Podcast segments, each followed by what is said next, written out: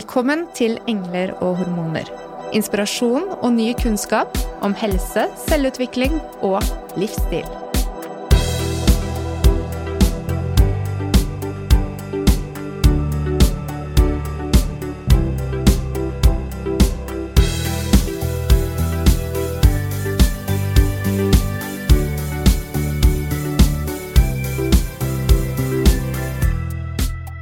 For all the women that has given birth and or is expecting to give birth, this week is all about empowering you to make the choices that are best for you. This is all about the woman. It is so important that we take the time to talk about birth and postpartum, especially in these times of pandemic lifestyle, where the closest thing for you to rely on is yourself and the actions you take for preparing and communicating your own needs. This can be more challenging and more rewarding than you could ever imagine. And to guide us through some important, essential reflections points, please welcome Kelsey Ludvigsen. Hi, Kelsey. Hi. Thank you for having me here. So nice to meet you virtually. yeah, virtually, one day in person. Yeah, exactly. Can you tell us a bit about yourself, Kelsey? Mm. Yeah. Um, well, this podcast is being done in English because I'm half American, but I'm also half Norwegian. And I'm married to a Norwegian. My partner is Norwegian. But um, I used to live in Norway. I had a yoga studio there, Lila Yoga. It's still going. Um, and I sold that got pregnant rather quickly and then became postpartum. And so I went from this yoga studio owner and teaching retreats and everything, and everything was very revolved around yoga and my physical practice of yoga. And then I had my postpartum experience and my life pivoted completely. Um, I also, for a couple years, kind of went back and forth on whether I wanted to be a birth doula because I found birth and the female body in birth just fascinating. But once I was postpartum with my daughter, I thought, I'll leave that up to the professionals. I need to do I need to do something with in postpartum because my experience was um, so deep and so um, I want to say life changing, but also life shattering.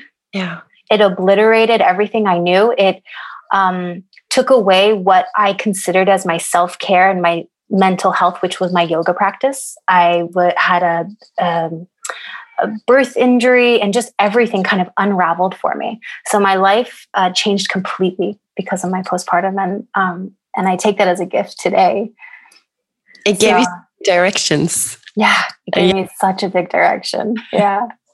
I remember getting like in my postpartum period, um, very um, primitive, you know, mm. like I was so uh, over focused on having this narrow um, vision. Yeah. And I think a lot of women feel it exactly that way, especially the first time. Yeah, definitely. Definitely. I, everything that I used, like, like you said, that narrow vision, like everything that I had done, the esoteric, the spiritual, I mean, I did tarot cards and all that. And my first six months postpartum, I was like, none of this works. Like, what is the point of it? I had an existential crisis. I was like, what is the universe, you know? And then after I kind of came out of that fog and that bubble, that's when my my lens kind of widened and I wasn't as, but it was, it's, it's, you're in survival instincts. Like you're just in survival mode, the, especially those first six months. Um, when you look at like transitional or transition psychology, they say that around five to six months is like the peak of your transition. So that'd be five to six months after giving birth. And women kind of go through this you know like what am i going to do with my life? And then after that six month is that peak and you kind of get more direction in like what's going on. But it's those first six months that are life changing mm. and it's so important that uh, the mm. women get support. Yes. Support is the only way that we fully recover from not only our postpartum but from pregnancy I mean, that's what we're doing in our postpartum is we're recovering from pregnancy and birth. and the only way we can do that, fully recover and really reintroduce ourselves or reintegrate back into the world is from support. And which is kind of triggering for people in the COVID time because we're told we can't have our pod or our family or our friends come in and so what you know what is that support and i talk a lot about um, the different ways of support there's the emotional support the instrumental support, the informational support, and then there's the community support. And so, you know, it's not just one way of having support, of having people in your home every single day, but it can be different levels of it. Can you tell us a bit more about uh, about that, Kelsey? Yeah. So emotional support i love to tell and this i love to tell my clients that for that you need you need almost all of those levels of support so um, community support would be your family your friends your colleagues your if you're part of a um, a church, it would be your church network. Um, it would be your yoga community if you're a yoga student. That is your community support your emotional support is i love to call it like your mother's your mother board of directors like who is on your board of directors as you as you come into motherhood. Who do you text and call for that for specific advice or who do you call and text to say hey i need a good cry. We all need that person. Um, it's that the person that's on your emotional support there it's the person that calls you and asks you how you're doing and not your baby. Their first thought is you and not your baby because your baby's fine.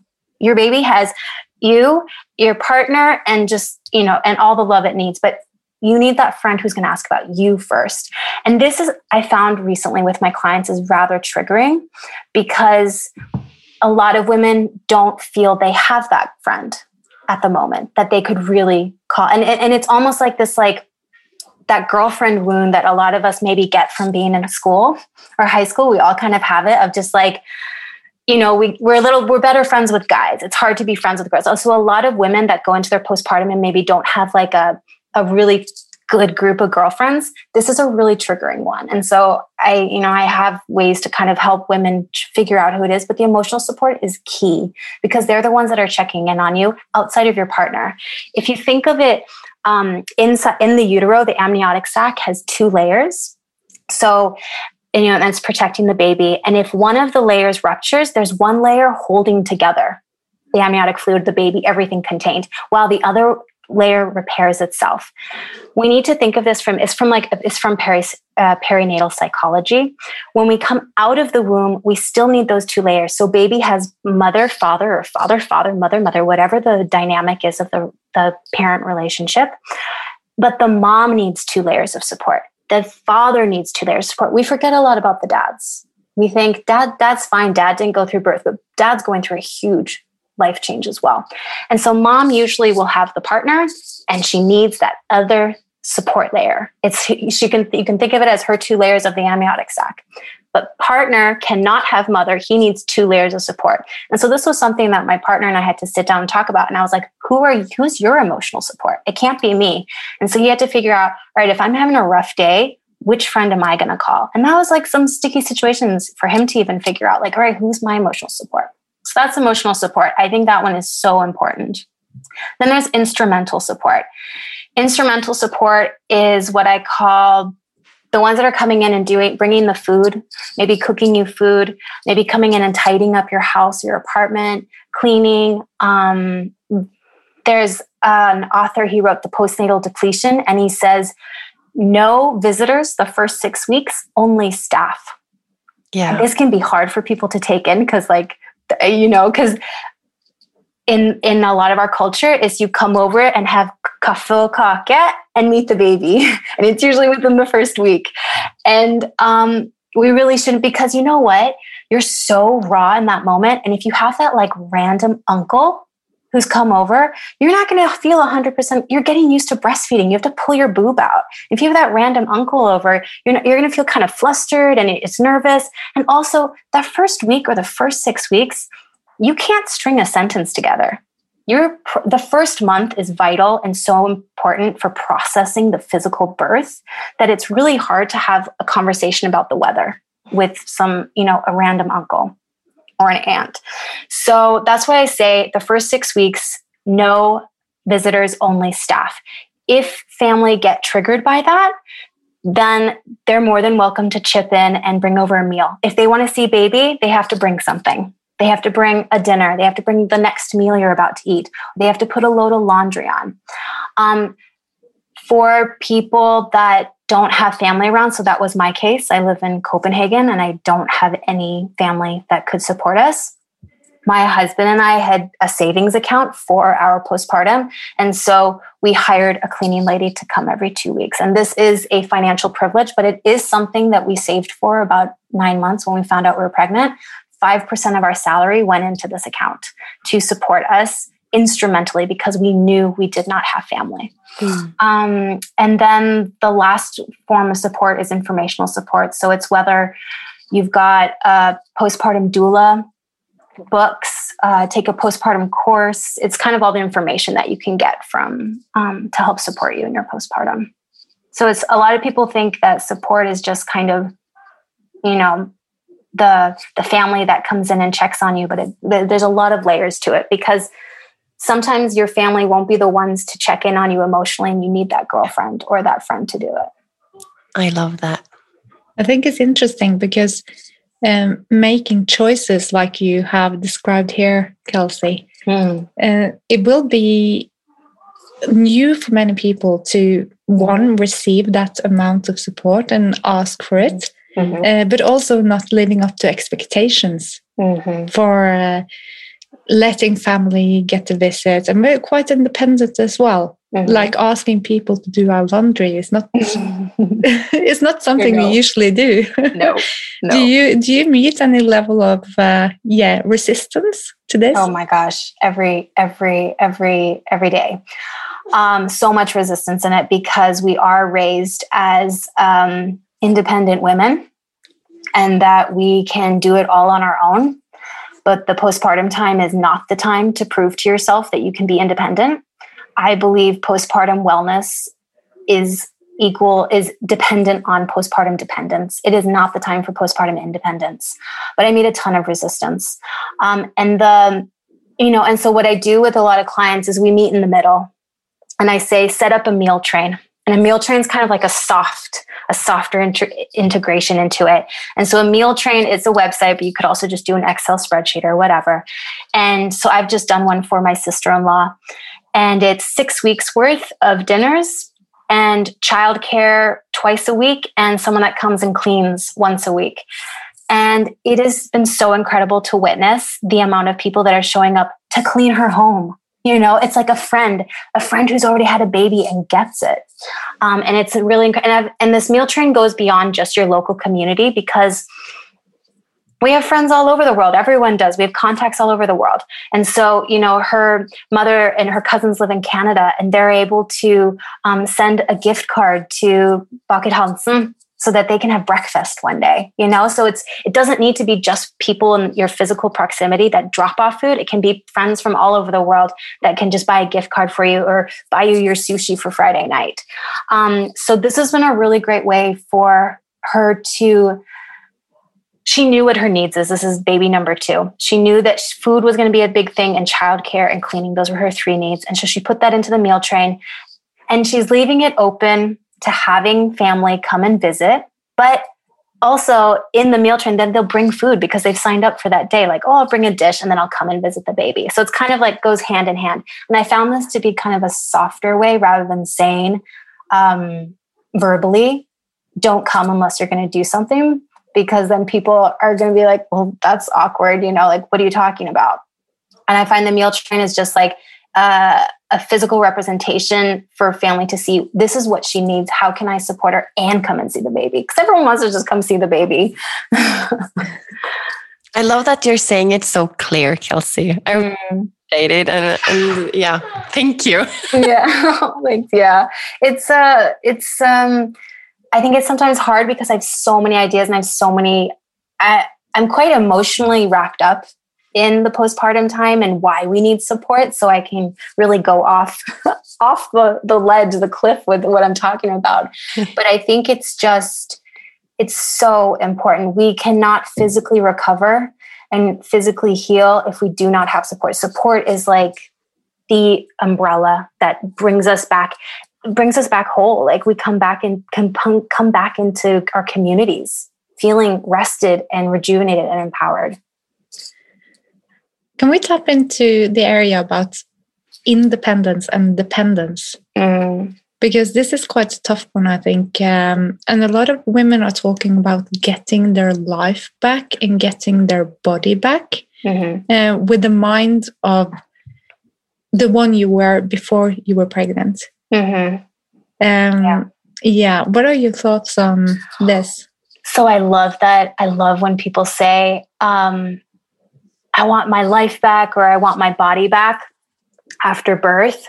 And and I tell them when you because so we go through this developmental stage called matrescence and it's the changes in the brain that they there are scientific studies and brain scans done on it our brain changes. We can never go back to who we were before motherhood.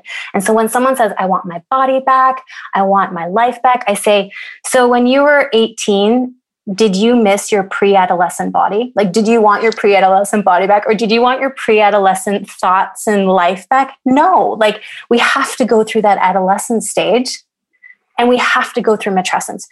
You will just have a new body. You don't want that body back. You don't want that that you know that that life back. Yeah you can grieve it. And i think that's one of the things that we don't allow ourselves in the postpartum is to allow grief to move through us. Mm-hmm. and my postpartum teacher believes that the it's actually grief that we're feeling where a lot of people think it's postpartum depression maybe and there are severe cases. I respect that and understand that. But i think a lot of us in the first couple weeks are actually just moving through a ton of grief that you know if, especially if you're a first time mom oh my i still get pangs of grief from like my life before motherhood and i think it's a, about normalizing that grief is allowed to emerge in those weeks and holding space for that and I think normalizing that we've moved from being independent to dependent. I learned the lesson of being dependent early on in my pregnancy. I had, it was, it should not be called morning sickness. I threw up 24 7 for 20 weeks mm-hmm. and I was heavily dependent on my partner. I couldn't open the fridge without throwing up. I couldn't go into a grocery store for 25 weeks. And he had to do all the cooking, all the grocery shopping, all the taking out trash so I learned really early on that like if I'm going to make this happen, if I'm going to, you know, become a mother, I need to become dependent on him and be okay with it. And you know what? Our partners do kind of love it. Like that was where my partner was like, "Ooh, I know how to help her" because he doesn't know your partner doesn't know how to show up for you otherwise. But if you can ask like, "This is what I need," it makes them feel they have a purpose in some way you know they're like great i can't take away her you know the tear that she had from birth i can't take away you know the bleeding that she's having right now and i can't help her in that way but what i can do is make her a really bomb breakfast and like an awesome lunch and it gives them a purpose rather than kind of feeling like they're useless. Mm-hmm. so i think you know becoming dependent on our partner um, is is just kind of is imperative. And also i think helps strengthen the relationship. There's i think we go through phases in our life where um, they're dependent on us and we're dependent on them. And this is just one of those phases where you're allowed to be dependent on someone else. And if you don't have a partner if you're a single parent i bow down to you. That is you know single parents you are amazing but um, find that other person in your life that you can be dependent on. So to get to this point where you know what you actually need and how to ask for it um, how do you work with uh, finding the areas where your needs are and also communicating them in a way that empowers the relationship as well?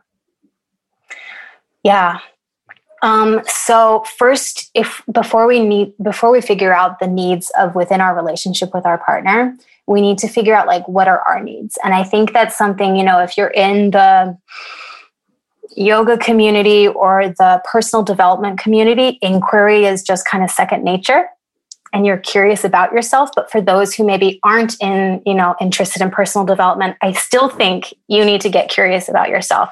And so really figuring about what your needs is like asking the tough questions and what i have all my clients do is we figure out your their coping skills there's a lot of studies that have been done i became i had i had maybe the majority of my postpartum ex- women, mothers in the postpartum examples were they were having a horrible time. And then I had like two or three people that were just loving their postpartum. And I got very curious as to why. Like, why are you so empowered? Why are you thriving in your postpartum? Because I'm not.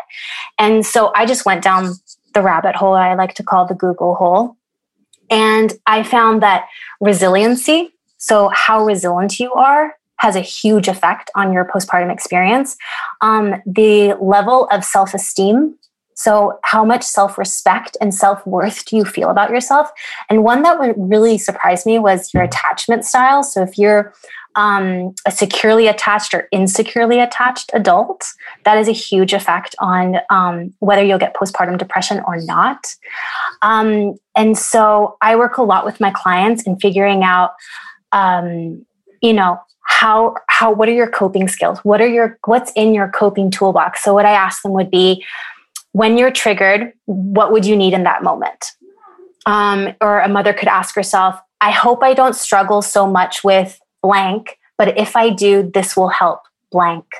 And it's kind of digging in, you know, having safe stepping away techniques. If you're home alone with a baby and a baby screaming and crying all morning, you can't you, physically, you need help. So, really talking to them, what would be your safe stepping away technique? What is in your coping toolbox for that then? You know, and really just and talking about the hard stuff like, okay, hey, your partner's been at work all day, you're at home with your baby and toddler, and you're about to have a mental breakdown. What are you going to do? Mm. And getting them to think about it beforehand. Because you know what? Those first couple weeks, like I said, you can't string a sentence together. How on earth are you going to pick up, you know, figure out your coping skills then. And so coping skills has had a, as there's a lot of studies that have been done on that. And the amount of coping skills that uh, women have going into their postpartum has a huge effect on their postpartum experience. This is a really good angle. And I like the way reflecting upon this actually can make you thrive through the postpartum period and handle things mm-hmm. in the moment um, without having all the extra stress it is to mm-hmm. lack the kind of skills you're describing. Mm-hmm. Mm-hmm. So, what other things is it that you make uh, women think about before their postpartum period? Yeah. Um, well, actually, I have three layers to what I consider the postpartum. And the first layer is what everyone in the world knows, and that's that six week checkup and they go and get their six week checkup and they the doctor tells them you're ready to have sex and you're ready to go about your life as normal. And that's kind of the extent of their information about postpartum. Um, the second layer i believe in postpartum is to have a healthy postpartum. These are the things you'd need. You'd have to have um, realistic expectations. We taught you touched upon that earlier of just like, you know, what are realistic expectations? Um, we have unrealistic expectations from social media and Hollywood mm-hmm. about what motherhood is. And so getting really real with yourself about your expectations um, and then figuring out like what is your emotional and your coping strategies. Like we talked about like figuring out what's your emotional and support focused you know figuring out how to how to cope there. Um, and then internal resources which i mentioned was self-esteem and um, having that self respect for yourself and feeling that self worth and self mastery. You know, that I remember the first time my, my daughter was born with the longest nails ever. And I asked the health nurse that came home and I said, Can you please cut them for me? And she's like, this is a perfect example for you to do it. And it was the hardest thing I did that day. But wow, did I feel empowered afterwards. And now, you know, I'm still the cutting her nails champion. But there's like that self mastery and just really realizing, like, okay, wow, yesterday I couldn't do it, but today I can do it. Mm. Um, so having those internal resources are really important. And then the third layer that I feel um, is important for postpartum that can really give you that empowered postpartum is full physical recovery. And what is full physical recovery? It's rest, it's body work. So whether that's um, going to a physical therapist, an osteopath, or you know, getting a massage, and then um, nourished, nourishing food. You know, we need to um, fill up our micronutrients that were taken from baby and placenta. And so that's really, really important. And then the second thing that I feel is impor- important for an empowered postpartum is self care. Our the mother's nervous system is regulating the child's nervous system until the age of seven. And so if mom isn't doing well, baby won't do well. Um, and so when, you know, a lot of the times if a baby is fussy or kind of agitated, we shouldn't be thinking, okay, what do I need to diagnose this baby with? We should be looking at like, well, how's the mom doing? Mm-hmm. That's really, really, really critical. Um, so self care is just taking care of yourself. And there was a study done in the UK where they found that at six months postpartum, this was done through the NHS, at six months postpartum, 80% of women weren't taking care of themselves, like taking daily showers. I mean, that's huge. That's a huge amount of women that are still not taking care of themselves at, at six months postpartum. And then the third thing that I think is so important for an empowered postpartum or just postpartum in general is being witnessed by your community that you have gone through a huge transition.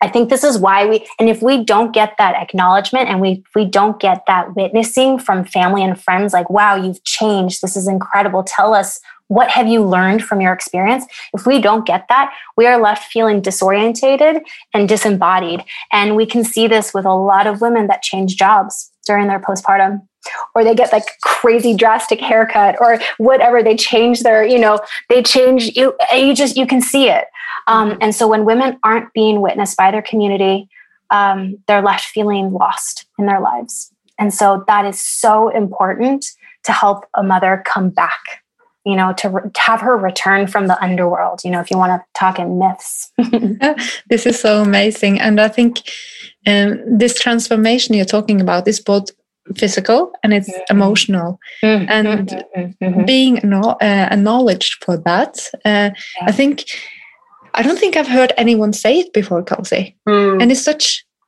it's so basic yeah mm. how many things that are basic mm. we forget about because yeah. we are so technical and we want to do the pelvic floor exercises with an app and we want to do everything mm. in a new way yeah. Yeah. But, exactly. but how is it that we have forgot about all these basic human understandable things that we need to do to each other? Yeah, we've completely forgotten. And I think that's part of the postpartum is this it's this time of remembering. Um, you know, I just I compare uh, when I was pregnant, I just talked to I'm I'm very fortunate. I have all my grand I have my both my grandmothers and grandfathers. But I remember talking to my Norwegian grandmother and just kind of like, what was your postpartum like? And she was in like a fødestue, you know, a, a birthing clinic for 14 days. And then her mom moved in with her afterwards to tend to her. But somewhere between my grandmother and me, our postpartum culture has completely changed. And she was, you know, she was just in a little town outside Bergen. And so, you know, it's this coming back so I, and i think it's something to do with our mother's generation where all of a sudden they went into the workforce and if they went on you know and if a mother goes on now if a mother goes on maternity leave all her friends are at work. Well in our grandmother's generation none of them were really working. So they were there to support each other. Um, and so i think the postpartum is this time of remembering you know what it is to be in community and what it is to be held and seen and to be fully seen. And i think that's something that a lot of women um, aren't experiencing to be fully seen in what change they've been through. I think a lot of women feel forgotten mm. and kind of like like they've just yeah they've they've been forgotten. Hmm. Yeah.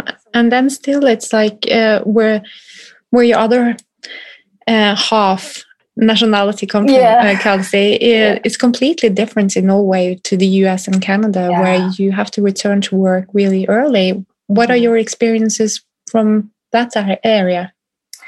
Yeah, you know what? That's one of the reasons why I left the States. I was working in the States at, I was 22, and one of my employees uh, was pregnant. She went and gave birth, came back uh, three days later. and I was like, well, what are you doing here? And she said, I don't get paid maternity leave. Like, I'm, the, I'm a single mom. I have to be back at work. And I looked into my contract to see, like, well, what is this? And I saw that I would not get any paid maternity leave. And I put my three months notice in. And I said, that is not the quality of life I want. I do, I was, I was living the life, I was living in Hawaii. And I was like, I am not going to fall in love with a Hawaiian guy and then have a baby here and have, you know, just no maternity. I grew up with, you know, a half a Norwegian culture where that's what was the normal. And so I put my three months in and I, and I moved back to Europe. But um, yeah, it's a huge difference because I see it in the States where women are hungry for that postpartum information and they yearn and they crave that time that they can have with their baby. Um, and so they're actually the most hungry for this information and actually accept it and take it in. While I find sometimes in Europe, where women have a year's worth of maternity leave, they want this kind of quickly like all right i've given birth now now what else you know and like i'm going to get to this baby group and this and it's all this long to-do list mm. um, and so there's a huge difference with um, with the two cultures actually and i think and i find it so interesting when we have full maternity leave and full pay and we don't use it fully for rest. Yeah. And you said that rest is key for postpartum uh, women. Can you tell us a bit more about that? Yeah. So, why is rest so important? Um, postpartum rest is postmenopausal ease. So, you know, I I um I think our generation, we live in a YOLO culture. You know, you only live once. Um, we, a lot of my friends don't save for retirement because you're like, I've got to spend my money now. Like you only live once, blah, blah. We can't YOLO our postpartum because we're going to hit that retirement age, that menopausal age. And we're all of a sudden going to realize, wow, I have an organ falling out of my vagina. I'm having a prolapse. Like, what the hell happened here? And it's because, oh, well, what did you do during your postpartum? I got up day three and walked home from the hospital, you know? And so I think it's really, really important um, that the care and the rest that you're investing in yourself in your postpartum period is for your future self. Your future self is thanking you already. I would like, you know, those there's those videos and pictures that sometimes pop up on Instagram of like a 90 year old woman that's running a marathon. I want to be 90 years old where I can maybe still run and not have an organ coming out, you know, prolapsing out of me. So postpartum rest is easy, is important because it creates postmenopausal ease. But also, you know, and then also if you Google um, menopause and pelvic organ prolapse, it comes up as like this normal. And you said it perfectly, Mona. Like just because something is um, common doesn't mean that it's normal. Mm-hmm. And so when we hear that you know, when friends say, oh, when I laugh, I pee, or if I jump on a trampoline, I pee, everyone says it. It doesn't mean it's right. Um, and so that, and that is where rest comes in. Um, another reason why we rest is for our uterine health, That's for our uterus. In a non pregnant body, so a non pregnant uterus, it weighs about 80 grams. And then when we have our period, it weighs about 225 grams. At 40 weeks, the uterus weighs 1.3 kilos. If you add in a baby, which on average is maybe three to 3.4 kilos, and you add in a placenta at 700 grams, your uterus is carrying over five kilos of weight. That is incredible and a lot of weight on the pelvic floor and the stretching of the 14 uterine ligaments that are holding this fabulous free floating organ in place.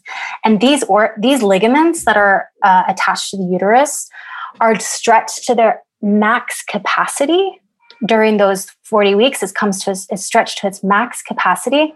And this is comparable for example to a first degree sports tear of a ligament.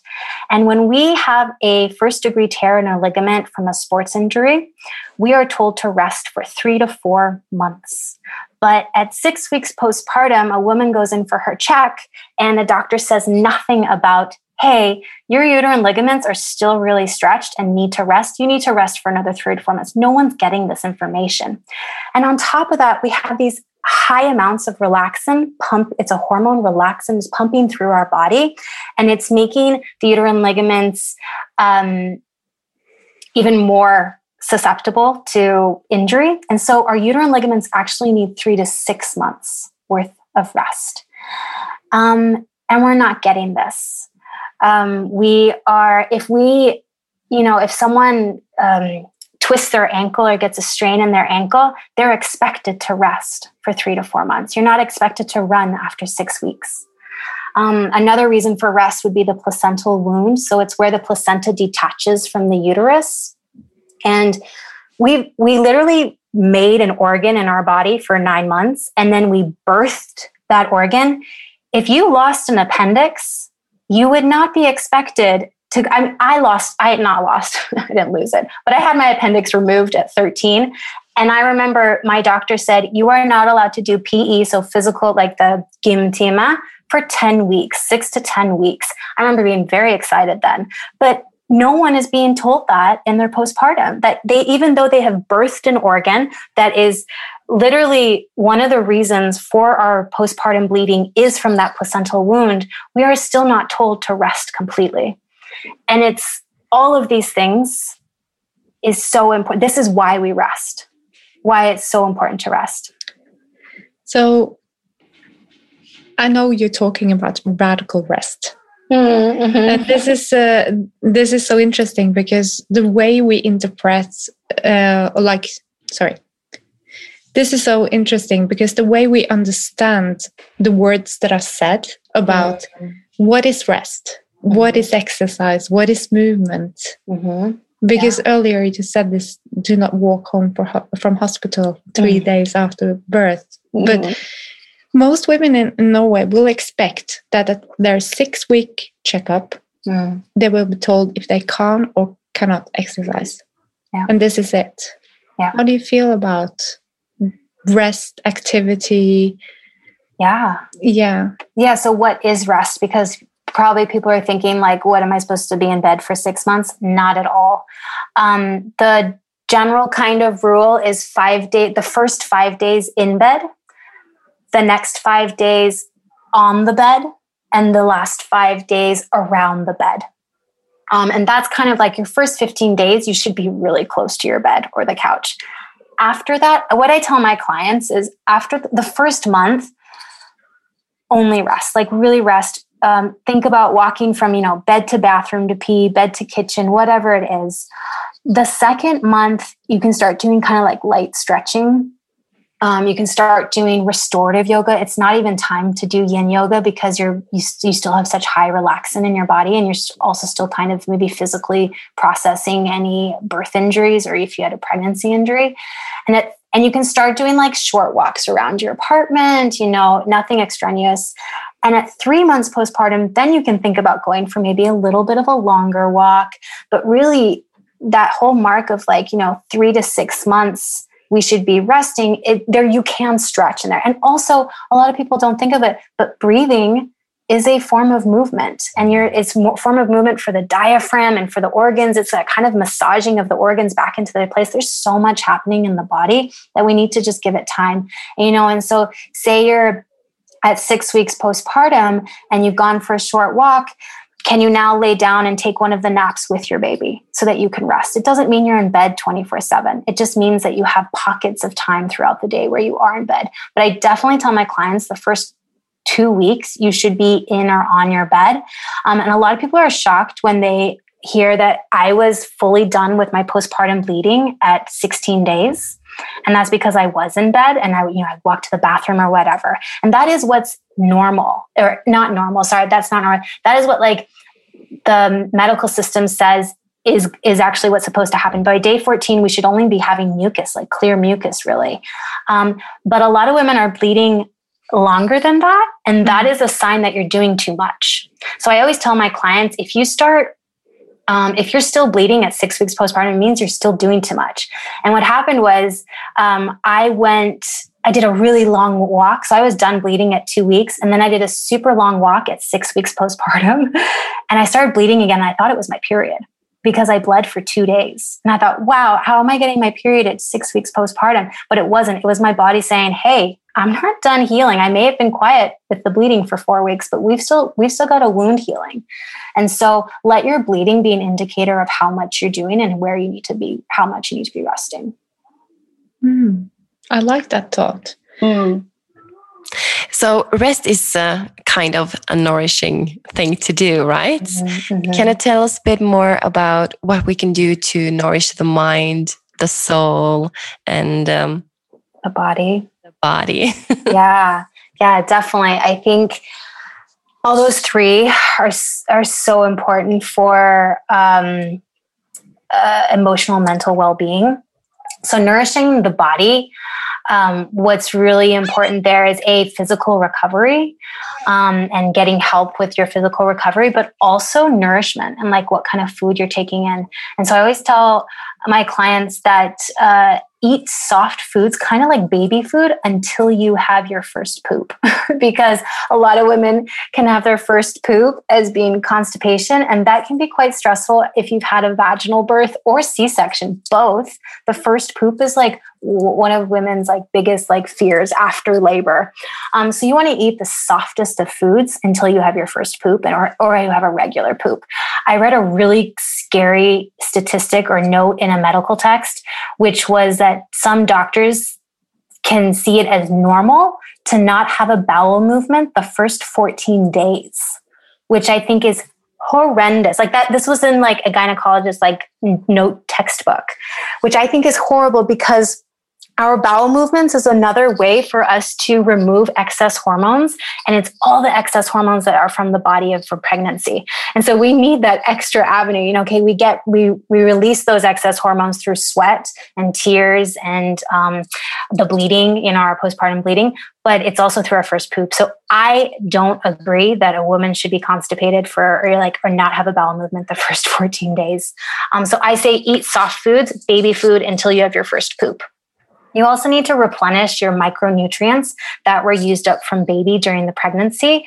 Um, so that's really, really key. And gut health is so important. Um, from the, if you want to think of like from a nervous system perspective of going through labor, that has a huge shock to our um, our microbial health in our gut, and so you want to bring back that good, good micro um, uh, probiotics into the system. Um, and I, I also really have a huge emphasis on this. You should love the food that you're eating. Um, I had a postpartum cookbook, and half the recipes were stuff that I was not used to and would never eat on a day to day basis. And for some reason, I made my husband make those meals for me in my postpartum, and it was hard to eat because I personally do not like mushrooms, but it was like this huge mushroom stew that was supposed to be really good for my connective tissue. And it was horrendous. And so I tell my clients, eat food that you love because you know what? You need the oxytocin so that you have the milk freely flowing through you. If you're eating something you hate, you betcha that's going to be one way for you to, you know, not have a, a milk letdown. So have food that you love that's really really important so that would be for nourishing your your body I, specifically is for the gut health um, so kelsey yeah. about the nutrients you uh, mm-hmm. you talked about um, why is it that we um, have this shock to the system and our gut health mm. while going through a pregnancy and the birth well, it's more specifically to the birth. It's just a shock. It's like, you know, when you go into labor, your body goes into fight, flight, or freeze, which is totally normal. We're supposed to go into that because so what it does is it kind of shuts down all your digestive functions and it shuts down um, uh, yeah, just everything. And so the body is purely focused on getting baby out. And this has a this has a huge effect on the gut health because all of a sudden um, those good probiotics are being used in that way. Oh, this is interesting. I didn't know about that. So, like the autonomic nervous response is actually affecting the gut health, and yeah. uh, so I was really worried about your statement that you could be going 14 days without yeah. having a poop postpartum. Yes. It sounds, I feel so sorry for the mom yeah. that is experiencing yeah. this because uh, it's like you say, it's one of the biggest fears. Yep. Yep. Yeah. And not only sorry for the mom, but like sorry for the mom that she's being told that that's okay. Mm-hmm. Because that is not okay. Like we should be having daily bowel movements. And it is, it is, you know, all right, if you don't have a bowel movement the first day or second day after your birth, you're probably still in your fight or flight response. Um, you're still probably, you know, especially if you maybe had a traumatic birth, you might take a little bit longer to have your first poop because your body's probably like, hey, I'm still in super fight or flight. I can't even think about digesting food at the moment. Um, and so that might be a reason why you're not having a bowel movement. But otherwise, you really should be having a bowel movement after day three. So, getting more specific into the micronutrients you were talking about, uh, are there any specific supplements you recommend to your women? Oh, I don't have, you know, you need to be pretty much, I, I tell a lot of women, keep your prenatals going. A lot of women just think, oh, now I can be finished taking my prenatals. You should be taking prenatals probably the entire time that you're breastfeeding. Um, omega 3 is huge. You can think of omega 3 um, in the last trimester of your pregnancy, it's kind of like your baby has a straw up to your brain and it's just siphoning. So it's just kind of like sucking out all those good fats from your brain into its own body. Um, and so you really need to up your omega 3s in the third trimester, but also in the postpartum because of breastfeeding. And then iron. Iron's a huge one, especially for as long as you're bleeding, you need to be taking iron. For me, the best way for me to supplement my iron was through herbal infusions, um, nettle tea, mm. and that, and I would make infusions. So it sits overnight for eight hours, and then I would have it for two days to be able to drink. Um, and that's really a really nourishing and beautiful way to get in your iron. And also, of course, go to your doctor and get your levels checked postpartum. Yes. Yeah, definitely. I tell um, a lot of clients to get them checked after six weeks, mm-hmm. um, just because we want to give the body, uh, you know, we have so much faith and trust in the pregnant body. You know, we don't take a pill to keep ourselves pregnant. You know, we just, we know the body can do it. But for some reason, we come into the postpartum time and we think, oh, I've got to take this adaptogen and I've got to take this pill and I've got to, you know, do all these things. It's like, why don't you trust the body to be postpartum as well and to kind of balance and calibrate on its own, just like we gave that am- amount of faith to our pregnant body to grow a baby? Hmm. And so, and definitely get your levels checked. So if you're like, um, you know, feeling really depleted at uh, especially three months, um, to go get your hormonal panel done. Um, and also, uh, you know, extreme anxiety or depression, you'd want to get your hormonal done to see what your thyroid is like. That's a really, really big thing. Oh, and then you just said something about collagen. Would you like to? Oh, collagen. Well, I mean, collagen is imperative for connective tissue health. Um, and so, you know, if you think about it, all the connective tissue in the body and just the healing of the body. So, collagen is really, really key. And that is um, found in bone broth. Um, if you're a vegan or vegetarian, um, you know, there's a lot of people out there that say it's hard to find, you know, a, a, real collagen, but you can. There's like some algae one, I think. But otherwise, bone broth is so nourishing and so healing. And it doesn't only give you collagen, but it gives you those micronutrients, other micronutrients that maybe you're depleted in. Hmm. Mm. And we are healing our connective tissue. Yeah. After giving birth is so important. So important. Yeah, it's so important. Mm-hmm. So the body is quite let's say it's in your face after you've given birth it's yeah. like highly obvious uh, if you do pay attention to anything it will be your body because you yeah. can notice something is happening yeah but what about nourishing your soul and your yeah. mind so for the soul i always tell my clients to make themselves i call it the oxytocin list or the joy list and it's this mm-hmm. list of things that bring you joy. So for me on my list was friends. And if I was having a rough day, my partner would say, Hey, do you want to watch an episode of Friends? And I immediately would bring in that laughter, raise my oxytocin, and kind of, you know, bring me out of a funk if I was in. Write your oxytocin and joy list and put it on the fridge so your partner can be there to remind you because you know what? You're not going to be reminding yourself. You're you're total survival mode and you're also in like figuring out like what's baby need like oh baby you're listening to every you're tracking from a nervous system perspective you're tracking your child the entire time. That's why a lot of moms can't sleep when baby sleeps because if a baby has a hiccup the mom is like Oof, you know fight or flight. Um so really like you know have your partner remind you what you need to do to take care of yourself and have that list on there so that he remembers too. So that's what i say for the soul. Um, and for nourishing your mind boundaries around social media. Social media can be a huge trigger um, for mental health in the postpartum.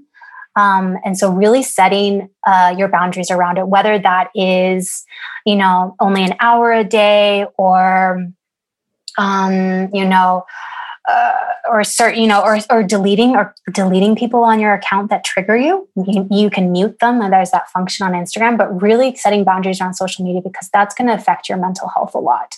Um, I try to tell my clients if they can the first month to have really strict boundaries with social media, um, and then also any toxic people in your life. Like just tell them, hey, I'm going to be out of your life for a couple weeks and then maybe we can come back but really limiting your um, interaction with it if there's anyone toxic or that has always kind of what do you call it uh, advice that you're really not asking for unsolicited advice. You don't really want that. And so really getting clear this is really important for mental health i think. Oh those are good points. And uh, also again boundaries and choices that could be challenging to make when you are in a vulnerable position. Yeah, yeah, very, very, very vulnerable and really difficult to make because um, I think, especially around social media, there's a lot of, especially in the first few weeks, a lot of laying or maybe laying around and resting. And we're not used to being bored or having nothing to do and not being so called, you know, I'm using air quotes here, productive. Mm-hmm. Um, and so for some for and social media creeps in. And so that's one of the questions i ask my clients is when you want to numb out what is your numbing tool and what could you use instead? And i think that's really important to to figure out. And that's kind of another inquiry to you for you to make for your postpartum time. Um, because if you're numbing out something you're usually numbing out maybe grief that's coming up or um, sadness about maybe how your birth went or um, anger about how your body's not recovering or whatever it is that we don't want to numb those feelings out. We want to move them through. I mean that is emotion. It's energy in motion. Mm-hmm. so we mm-hmm. want to move it through the body. Um, and when we keep tapping into our phones in those early weeks we're kind of stagnating our recovery our mental and emotional recovery. And so figuring out like yeah you know what? Instagram is my personal numbing tool but i have a relationship around it and boundaries when i use it and when i can't use it. And so if i'm in that part of my day where i'm not supposed to be using it but i feel like i need to numb out then i tap into another tool of mine. What can i do instead? I can dance to a song. I can go out sit on the balcony and get some sunlight on my face. So i figure other positive coping skills mm, that's interesting do you have any other suggestions for numbing tools that are better for us. Yeah, numbing tools that are better for us. Um, morning pages. Oh, I think, yeah, I think journaling. You, yeah, yeah, journaling. And that is one of the things. So I have um, in my course that I'm running right now called The Passage, and I have a self care plan. Like what what self care can you do for yourself in each month in the fourth trimester? And every single month morning pages is under the mental one because it's just kind of like a brain dump and it's really just like your your unfiltered thoughts just coming out on paper. Um, I think journaling is super, super powerful. Uh, it is one of my most treasured things that I have on my nightstand. I still have it on my nightstand. I have my postpartum journal and I journaled every single day for 40 days. And I love going back to it and just seeing like where I was, you know, and, can, and I, I can come back in my physical body and just, whoa, I remember that feeling. And so really documenting. You know, if you think about on a historical level, that's what the only thing that women had for hundreds of years were their journals. That is how we know how women felt and uh, lived, you know, hundreds of years ago. It's through their journals, and we can still do that to, today. I think it's interesting because over the episodes that we have had this year, mm-hmm. journaling and morning pages mm-hmm. has been mm-hmm mentioned so many times, both with yeah. creativity, with yeah. tracking your cycle, yes. and now the postpartum. Yeah. So it's about getting to know yourself, really. Yeah, yeah, yeah. yeah. It's one of the best tools to get to know yourself. Mm-hmm. Definitely. Yeah. And it's, you know what? I, I think it's also such a gift because so the journal I have is from when the day I found out I was pregnant until six months postpartum. And uh, one day I'll give that to my daughter yeah if she chooses to have a child of her own so that she can see what my process was mentally and emotionally during pregnancy but also in the postpartum because it wasn't all pretty and i want her to know that you know? And if she feels that there was like you know uh, some kind of unresolved issue it could have been that one month that i was postpartum and felt deep anxiety and depression. And she can be like, oh, that's it. It has nothing to do with me. It has to do what you were going through at that time. And so I think it's, you know, a kind of a, you know, and you don't have to give your journal to your child. But I, uh, but I, I wish I had had my mom's or my grandmother's journal to like kind of peek into like, what was your underworld like? Mm. Yeah, the unedited version. Yeah, exactly. Yeah. yeah. I think it's uh it's an honor to actually get to know yourself and uh, it should be the most interesting person in the world to get to know. Yeah. Actually. Yeah. yeah. And I think your postpartum self um, can be one of the most enriching and life changing ones to get to know as well. I think if we don't get to know ourselves in the postpartum, we've missed a really pivotal um, self uh, type. Uh, we've missed a really pivotal form of ourselves of not getting to know. And I and I have you know, and I want to. Um, I think it was uh, Ingrid. You said that. Oh, you know, I'm two years ago i went on mama padm and i wish i'd had this information and i've really been diving into that of like okay there are a lot of moms that might be listening to this and been like wow i didn't give myself this how I missed that opportunity. And I don't believe that's true. I think we can use our menstrual cycle and I think we can use our period to heal the part of our postpartum we didn't do. So when you have your period, rest a little bit more, eat some good, nourishing food, journal. You can heal your postpartum that maybe you didn't have in your menstrual cycle. Oh, that's a beautiful thought. Mm. And uh, that gives us this opportunity to not feel that we have lost out or feel yes. ashamed that we didn't do enough. Exactly. So, um, this thing about how our hormones and all also our nervous system is hmm. affected mm. by this transition. Do you have any thoughts in specific on how we can support our body on that level? Yeah, yeah, I could talk about nervous system health all day, but I think for a nervous system, our nervous system is contingent or um, relies heavily on our self our self care. And I tell moms start your self care from day one postpartum. Like, don't wait until two weeks and you figured stuff out. Like, start from day one. Um, there's this really great study that was came out of Sweden of the impact on fathers' brains and how their brains can be rewired if they have skin to skin with their baby. So, give your partner that chance to have 10 minutes of skin to skin, and then you have 10 minutes to yourself, and do that every single day have time for yourself set that set that and self-care helps your nervous system balance. Like it has a regulated, you need to regulate your nervous system. It is through self care. And so start that from day one, build that habit. And I would actually say if you're pregnant, start right now in your pregnancy. What are you doing for yourself on a physical, emotional, mental level? That helps regulate your nervous system. I had such a great example with one of my clients. She felt the only way she could regulate her nervous system on a physical level was through was swimming. She loved to swim you can't swim postpartum for like what is it six seven weeks mm-hmm. and so she wasn't feeling that she could regulate regulate herself so we had to figure out and kind of brainstorm all right what are other ways that we can regulate our nervous system on a physical level um, and the hormonal shift i have gone down the uh, the Google hole, the rabbit hole on this one. I love my apps that tell me what's going on with me hormonally during my menstrual cycle, and I was obsessed with my pregnancy app that was like today you grew a toe you know and and your blood volume has gone up this amount. Like i found it so fascinating.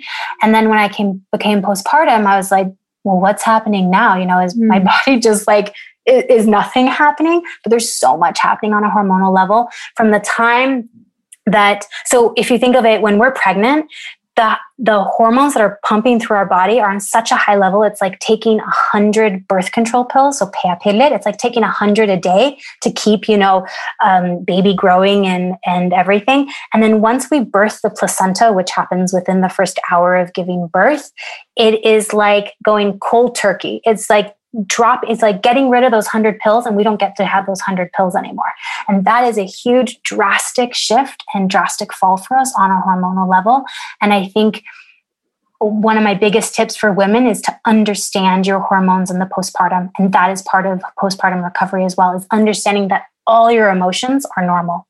You're going to have a super high for 24 hours, 48 hours after birth, and then you're going to have what they call the baby blues day three. And that's super normal. And letting your partner know this as well. Because I think some partners, all of a sudden, day three, they're like, oh my God, what's going on? Like my wife is up and down and everything, and it's normal. And so mm-hmm. having our partners um, with this information it gives them the empowerment to be like, hey, remember your your hormones, progesterone and estrogen just plummeted today um, because you birthed the placenta. And what that does to your hormones is it makes you feel really weepy and emotional. So what you're going through is normal. Yeah. Knowledge is power, isn't knowledge it? Knowledge is power. And it's not just maternal knowledge, but it's giving that knowledge onto the partners as well. Yeah. So I am sure that the women that look, uh, listen to this uh, and get curious, they want to read more. Mm. Can you give us some tips on where to look for more information? Yeah, so there's a couple books. Um, there's the fourth trimester by Kimberly Johnson. There's the first 40 days. Um, there's the postnatal depletion by Oscar. And then Aviva Romm, she's a midwife turned um, doctor in the United States. Um, she has a book. It's kind of outdated. I think she wrote it in the 80s or 90s, but it's still so rich of information. And she comes more from like a holistic back, a holistic perspective. So she talks about yoga and breath and nutrients and everything. Um, I think those are really, really great books. And then also just finding you know, whether it's a doula or a coach that can um, help you um, move through this transition because we're not supposed to do it alone. Um, our grandmothers and great great grandmothers weren't doing it alone. And sometimes now we just need to reach out and ask for a little extra help. I'm so glad you're here, Kelsey. And I think Thank it's uh, it's kind of uh, interesting. We're actually sending this uh, for the week of the Women's Day. Mm, so and, good. And with the postpartum health, it's really one of the aspects where we have not improved, even though we have yeah. come further with the working and equal rights. This yeah. is one of the areas we maybe forgot. Yeah, I think yeah, so exactly. too. I think so too. I think, um, yeah, the postpartum has really been uh, forgotten, and it's, and uh, I think we're um, coming into a time right now where women are starting to remember that on a cellular level, things were done different. Like we have it in, in, a, in on a cellular level. Our bodies remember support from a, from a maternal perspective, but we haven't physically received it yet. I think, especially our generation, and I think that's what our generation is working hard on. Is like, what's happening with my brain after postpartum, after I give birth, because I don't feel normal, and like, what's happening with my body? I think our generation asks a lot of questions, which and are curious, which I think is fantastic. But I think we also just need to, yeah, we need to start that remembering process. Wow, yeah. Thank you so much, Kelsey. Thank it you so much. So uh, empowering and mm-hmm. so wonderful to hear you talk about your yeah passion. Mm, thank you. It really is. I think it's great, like for all the independent women out there, try to uh, take this in and uh, yeah. Train yourself to be dependent and take responsibility for your own physical and emotional body postpartum. You can also share this with a sister or a mom or someone you know that you think would like to hear about this. And we would like to hear your feedback as well. We'd love to hear your stories and the, the questions you have about this topic. So we would like all your listeners to stay connected, you can find us at Instagram. We will be sure to tag Kelsey throughout this week and bring all questions you have for us into her so you can respond back. And uh, let's just content, uh, continue this journey of sharing loving empowerment for women's health and just helping each other, uh, which is so important for the future as well. Thank you. Mm, thank Bye. you. Vi høres.